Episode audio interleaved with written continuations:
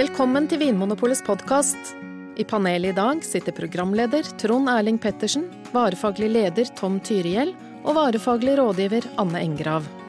Dagens tema er Riesling. Velkommen i studio, Tom og Anne. I dag eh, skal vi snakke om ei drue som har blitt nordmenns nye favoritt, enten det gjelder sushimiddagen eller julemiddagen, nemlig Riesling. Eh, Hva, hva er det med Riesling, og hvorfor har den drua her blitt så populær? Det tenkte jeg vi skulle snakke litt om i dag. Eh, og Anne, kanskje du kan begynne med å si litt om hva Riesling smaker? Hva smaker eh, vinen som er lagd av den her grønne drua? Ja, hva er det man sier? Hvor langt er til? ja. Det smaker jo veldig mye forskjellig, fordi at man kan lage så mange ulike viner med det. Mm. Eh, Men er det, er det en, men- en, en aromatisk vin? Ja, er den litt det er dempa, eller hvordan? Fruktig er vel kanskje det som best beskriver den. Den har ofte veldig sånn tydelig, klar fruktighet og ganske god friskhet. Ja. Den er syrlig. Syrlig, Ja. Og, um, så smaker den ofte litt sånn av sånn sitrus og eple og sånn veldig sånn kjølige, ferske frukter. Ja. Eh, Tom, eh, det, hvilke områder er det Riesling først og fremst dyrkes? Eh, spesielt i Tyskland. Mm. Der er det den store hvite kvalitetsdruen. Mm. Eh, ellers i Europa så er det Østerrike, eh, Alsace i Frankrike. Mm. Um, og man ser litt også rundt omkring i verden, men kanskje Australia og noe Chile, som hvis du skal utenfor Europa. Mm. Eh, Er det store forskjeller på hvordan Riesling smaker i de ulike områdene i Tyskland f.eks., og, og rundt omkring i verden? Er det forskjell på en tysk Riesling og en australsk eller østerriksk Riesling? Ja Jo da, det vil jeg si. Selv om det er ikke Jeg skal ikke liksom banne på at jeg ville tatt blindt, at hvis jeg hadde fått en test på det. Mm. Men sånn som du tar Tyskland først, så Mm. er det jo et uh, kjølig nord oppe ved Mosel, hvor de lager god Riesling. Ofte har Ja. litt uh, sødme og litt av lavere modning på det. Så kommer du ned til sør, i regionen som heter Fals.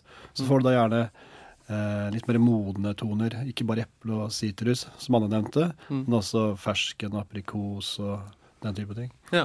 Så Anne, jo lenger sør man kommer, jo mer eh, tropisk blir frukta, går det an å si det? Ja, det er litt som de, de fruktene man dyrker i kjøligere og varmere klima, da. Mm. Har eh, Riesling alltid vært anerkjent som en eh, kvalitetsdrue på høyeste nivå? Nei, det har ikke det. det eller, i, helt til å begynne med, sånn for 100 år siden, så var det en sånn toppvin, som regel. Um, men eh, så var det en periode etter andre verdenskrig der Tyskland lå nede med brukket rygg, og det var dårlige tider for eh, bøndene, vinbøndene. Mm. Og da kjørte de på for å få mest mulig effektivt jordbruk med kunstgjødsel og alle snarveier man kunne ta for å få høyt volum. Mm. Og da ble egentlig Rieslingen kjent for å være litt sånn kjip, søt skvipevin, liksom. Ja, så Riesling fikk et litt dårlig rykte. Ja, skikkelig. Ja, det skulle ganske mye til for å, å snu det igjen, da. Mm. Men nå, Tom, nå er det jo kokker, restaurantfolk og eh, alle som har greie på mat og vin, eh, er jo, mange av dem er jo helt frelst på Riesling. Hva er det som har gjort at Riesling er på en måte tilbake i manesjen og har blitt eh, ei stor drue igjen?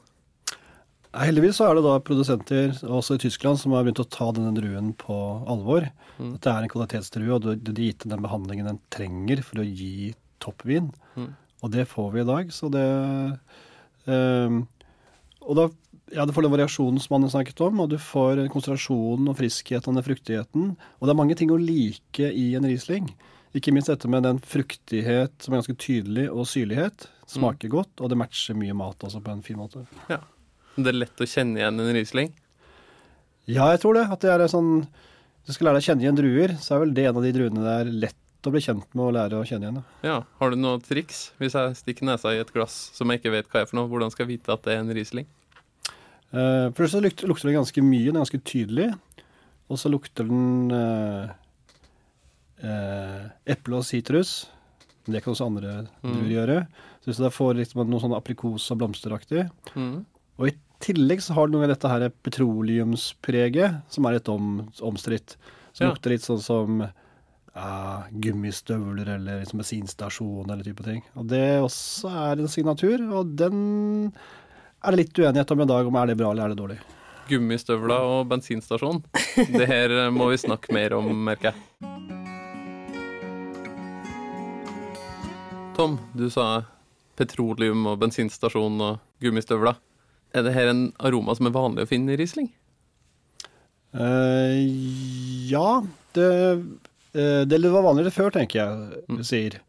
Eh, men du finner det også i dag, og du finner det på, også på toppvindene. Mm. Eh, og det som eh, er ja, Det er litt sånn ulike teorier om hva som er kilden da, men det som til denne petroleumslukten. Mm. Men det er noe som heter terpener, okay. som pleier å gi det. Og Riesling har Det er ikke drue som har mest terpener, men sammen med den høye syrligheten så gir det en del type sånn estere, altså aromaer. Eh, Det her er stoffer som finnes i på dette måte, er stoffer som fins naturlig i druene. Ja, det er ikke noe sånn at de har dynket i bensin, eller eh, at de tråkker druene med gummistøvler, og så blir det den smaken. Nei. Det er det naturlig. Og det, eh, det sies også at det er en del av eh, den solkremen, eller kan vi si det fargestoffet, da. Det er ikke solkrem igjen, men eh, mot høsten når druene er ferdig med, plantene er ferdig med fotosyntesen, Mm. så trenger den ikke så mye sol, og da vil den beskytte seg mot det. Å ja. Og da danner den farger slik som vi får eh, pigment, eller danner får bli brune om sommeren. ja. Og dette er eh, et karotenoid, heter det. Og det, det stoffet kan senere da, når det reagerer med andre ting, gi denne petroleumsbiten. Så drua lager på en måte en slags solfaktor for seg sjøl. Nettopp. Ja. og ironisk nok så lukter det en gummistøvler og regnfrakk når det blir ferdig vin. Det er, jo ikke, det, er, jo- det er jo ikke alltid at det blir en sånn petroleumslukt, da. Nei. Men hvis det lukter litt sånn parafinaktig eller dieselaktig av, eh, av hvitvinen, så, så er det gode sjanser for at det er en Riesling. Ja, og da er det også god sjanse for at druene har fått seg en god dash med sol rett før innhøstning. Ja, og det er jo bra. Modne druer gir jo god vin. Det er jo bra, det, altså. Men så spørs det jo om du liker den derre petroleumspreget, da. Ja. Eh, På etikettene på Riesling-vina så kan det stå eh, spetlese og austlese og sånne ting. Hva betyr det, Anne? Nei, det handler om modninga på drua igjen, da. Ja. Hvor seint de høster inn. Mm. Hvor mye sukker som er blitt danna i drua gjennom fotosyntese. Mm. Og det er det som Det måles gjennom det de kaller mostvekt. Mm. Du rett og slett veier litt druemost, og vekten på det avgjør om, om du kan få da betegnelsen spetlese eller auslese. Mm. For det fins både tørr og søt Riesling. Ja. Det gjør det. Kan du si litt om de forskjellige vintypene eller vinstilene som kan lages av den drua her? Ja, du kan jo begynne med de helt sånn veldig enkle vinene som du høster ganske tidlig, før mostvekta, altså før du har fått veldig mye sukker i druene. Mm. Og da kan du gjære helt ut, og så kan du få en veldig sånn veldig frisk, veldig enkel eh, vin. Mm. Eh, eller så kan du eh, eh, vente litt få litt større modning, og så kan du fremdeles ha en helt tørr vin, men du får en litt sånn dypere aromabilde. Du får eh, litt preg av mer moden frukt, og kanskje litt større dybde. Mm. Ofte så er de vinene med høyere kvalitet har fått ganske god modning. Ja. Så da lages det tørr vin av de ekstra modne druene. Ja, helt til du kommer til de har fått så mye sukker at du da lar det være igjen litt sødme. Mm. At du får ganske lav alkohol, og så sparer du sukkeret igjen i vinen, sånn at du har en, en søtere vin. Halv, halvtørr, halvsøt eller søt vin. Ja. Tom, hva slags sånne søte dessertviner er det som kan lages av Riesling? Um, det er tre typer. Det ene er eh, ice wine, eller isvin. Mm. Hvordan Altså- lages det? Det lages ved at uh, druene får henge så lenge ute at de, at de fryser. Mm. At de henger ute en frostnatt. Og da uh, skiller vannet seg ut fra druene i form av is. Mm. Eh, og da er det mindre vann i druene, så får du mer konsentrasjon. Mm. Og fordi de også da har hengt lenge på druerankene, så har du mye sukker og smaksstoffer i dem. Ja. Så det første er isvin. Det andre er Trocken bæren Auslese. -hmm. som betyr tråkken, altså tørkede, utvalgte bær eller druer. Mm. De har da hengt og tørket på vinrankene. Ikke frosset, men tørket. Og så ofte er det også angrepet av eh, botrytis, edelråte. Som er en gjærsopp som på en måte angriper druene og gjør at de skrumper inn og tørker inn og blir søtere. Og, Ja, altså de råtner på en god måte. Derfor, Mhm. derfor edelråte, og det er en gjærsopp, ja. Og det, og det siste er berenavslese, som er det, det samme som tråkkemeravslese, men med mindre av den gjærsoppen, at de bare tørker. Mm. Så lages det musserende vin av Riesling òg, Anne? Ja, det, gjør det. da heter det sekt. Ja. Hvordan eh, smaker det i forhold til champagne eller cremant eller prosecco eller andre musserende viner? Ja, altså det har jo den derre fruktigheten til Riesling. Så det er fremdeles den derre tydelige frukten eh, som kanskje kan være nesten liksom pågående. Ja. Og også en bra syre, da. Mhm. da også. Ja. Men jeg vil bare si det at eh, de vanligste Rieslingene altså, det er flest eh, tørre Rieslinger på polet. Ja. Så de du finner i de vanlige sånn Tysklandshyllene, de er som regel tørre. Mhm. Eh, men du ser det da på klokkene våre foran på den eh, prisen står. Mm. Så der eh, står det et sånt klokkediagram som viser hvor søt vinen Ja. er. Mm. Mm. Og, og så ser du hvis det står f.eks. Spetlese Trocken, da, så Ja. betyr det jo at den er tørr. Ja. Ja, det, er, det er et veldig godt poeng, for vi har snakket både om petroleum her og om sødme. Mhm. Men for mange så er det liksom den gamle stilen Riesling. Mhm. Og at det som har vært det nye, og som har brakt liksom eh, Riesling tilbake til topps, er de tørre, fruktige og mineralske vinene, for, mm. for å si det sånn. da. Um, og de kan også ha, ha dette petroleumspreget som jeg snakket om i stad. Mm. Men også det kan minne om sånn voksparafin, som også du kan få når du har druer som er umodne også. Ja. Og, og du har druer med veldig høy avkastning. Så det er en del produsenter som ikke liker det i det hele tatt, og vil ha eh, druer eller vin som er fri for dette preget også, da. Som er ren og fruktig og Ren og fruktig og dype og komplekse. Mm. Og tørre. Og de her tørre, friske Rieslingene er gode matviner. Det tenkte jeg vi skulle snakke om nå i siste del av dagens episode. På flasker med Riesling kan du finne en del ord og uttrykk som krever forklaring. Noen av dem angir hvor modne druene er. Står det kabinett på etiketten, er vinen laget av modne druer. Spetlese betyr at druene er høstet enda senere enn vanlig. Auslese er vin av druer som har fått henge enda lengre på vinstokken. Og når vi kommer til Berenauslese og Trockenberenauslese, snakker vi om søt dessertvin laget av druer som er så modne at de har begynt å tørke inn. Mange tyske vinetiketter angir også hvor vinen kommer fra. Står det f.eks. Velener Sonnenor, betyr det at landsbyen heter Velen, mens vinmarken heter Sonnenor. Et annet uttrykk du kan støte på, er grossiske vex. Det tilsvarer det franske toppnivået Grand Cru og viser at dette er tørr hvitvin laget av druer fra en av de mest anerkjente vinmarkene i Tyskland. Riesling passer til alt, er det noen som sier. Mm. Eh, Og det er riktig. Det er riktig, Anne? Det stemmer. ja. ja, takk for i dag. Nei, men er det, er det sant? Stemmer det? Fins det, det ingen eh, retter eller situasjoner der eh, Riesling blir helt feil? Jo da, det vi skal kanskje ikke si sånn at det er helt riktig, men oftere enn ikke Ja. så passer Riesling. Hva er det som gjør Riesling til en så god sånn allround eh, matvin, da? Jeg tror det handler om den der eh, syra igjen, at du har noe veldig bra friske som renser munnen så godt. Mm. Og så har du de der eh, litt sånn kjølige, klokkeklare fruktaromaene som, eh, som ikke gjør så voldsomt mye ut av seg, til Mm. tross for at de er ganske intense. Det gir en del smak, men ikke så spesiell smak at det krasjer med ting. Nei, det er nok Det er Mm. godt sagt. Mm. Eh, skal vi begynne med noen sånne klassiske kombinasjoner, da, kanskje, Anne? Ja. Hva er det, hvilke matretter bør man virkelig kombinere Riesling med? Ja, det er jo fort gjort å se på hva de spiser i Tyskland. Mm. For der har de jo lang tradisjon med Riesling, og alt sånn svinekjøtt, sånn type pølser eller sånn kokte svinegreier. Tenk, tenk på en gris. Gris, ja. Og sånn surkål og sånn syrlig tilbehør, sennep og sånn. Jeg ser for meg sånn tysk Mm. bondekost. Ja. Det passer jo veldig godt til Riesling. ja. Da får du den der friskheten som lett setter opp en ganske sånn tungkraftig kost. da. Mhm. Eh, Tom, er det noen eh, retter fra andre deler av verden der eh, Riesling passer veldig godt til? Ja, sånn som asiatisk mat eh, generelt, og kanskje sushi spesielt, mm. er, det, er det veldig bra til. Mm. Eh, både de tørre med god, dyp, eh, moden fruktighet, men også de med litt restsødme er det mange som liker til dette. Sånn som spesielt hvis du har litt eh, sterkt eh, krydder. Mhm. Ja.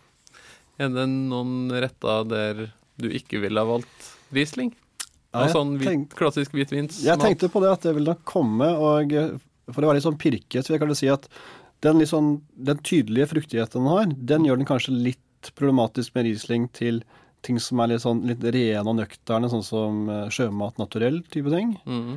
Eh, og kanskje eh, også litt i andre enden, sånn ville jeg valgt Riesling til biff. Jeg tenker, ja, jeg kunne nok ha gjort det, men det, kanskje det er mer sånn typisk til hvitt kjøtt.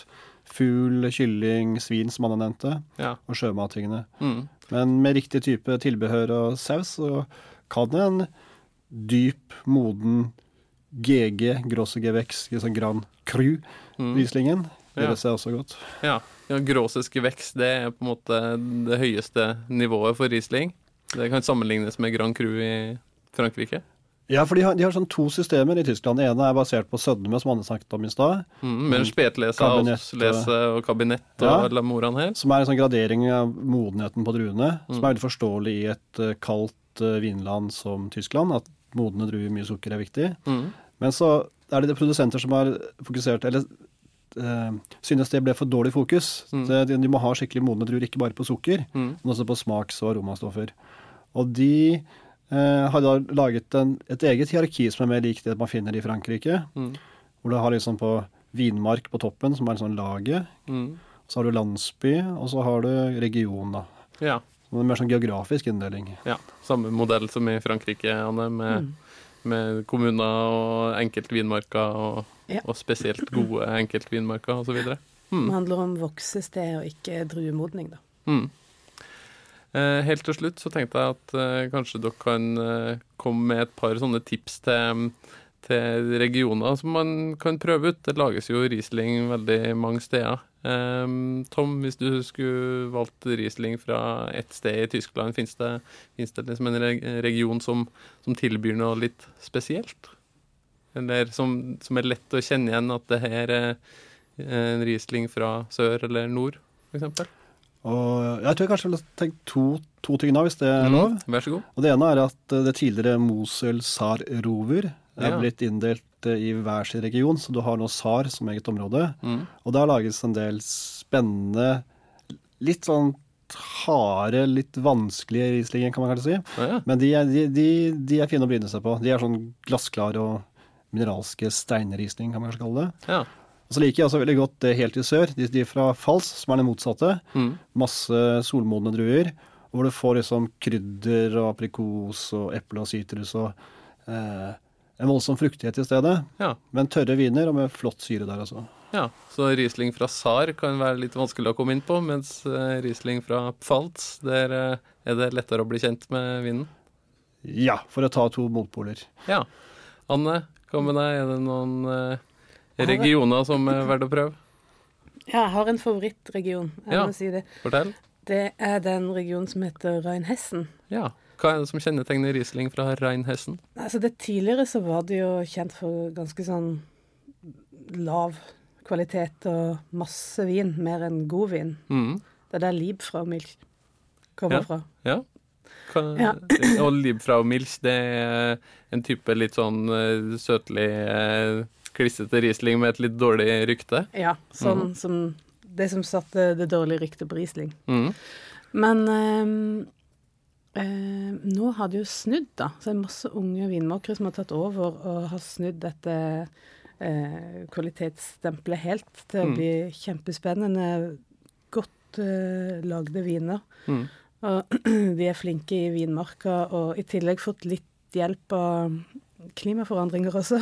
Ja, det har blitt litt varmere. ja, så det at du har den nesten en sånn mellomting mellom Fals og, og Mosel, da, selv om det ligger sånn geografisk sett nærmere Fals.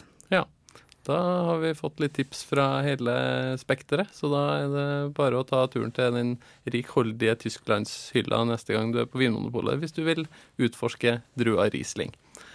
Hvis du liker det du hører fra Vinmonopolets podkast, så blir vi veldig glad hvis du går inn i iTunes og gir oss noen stjerner og skriver noen ord om eh, hvorfor du liker det du hører fra Vinmonopolets podkast. Takk for at du hører på Vinmonopolets podkast. Har du forslag til et tema i podkasten? Send mail til podkast at vinmonopolet.no. I tillegg svarer kundesenteret deg på e-post, chat og telefon. Ring 04560 eller besøk vinmonopolet.no.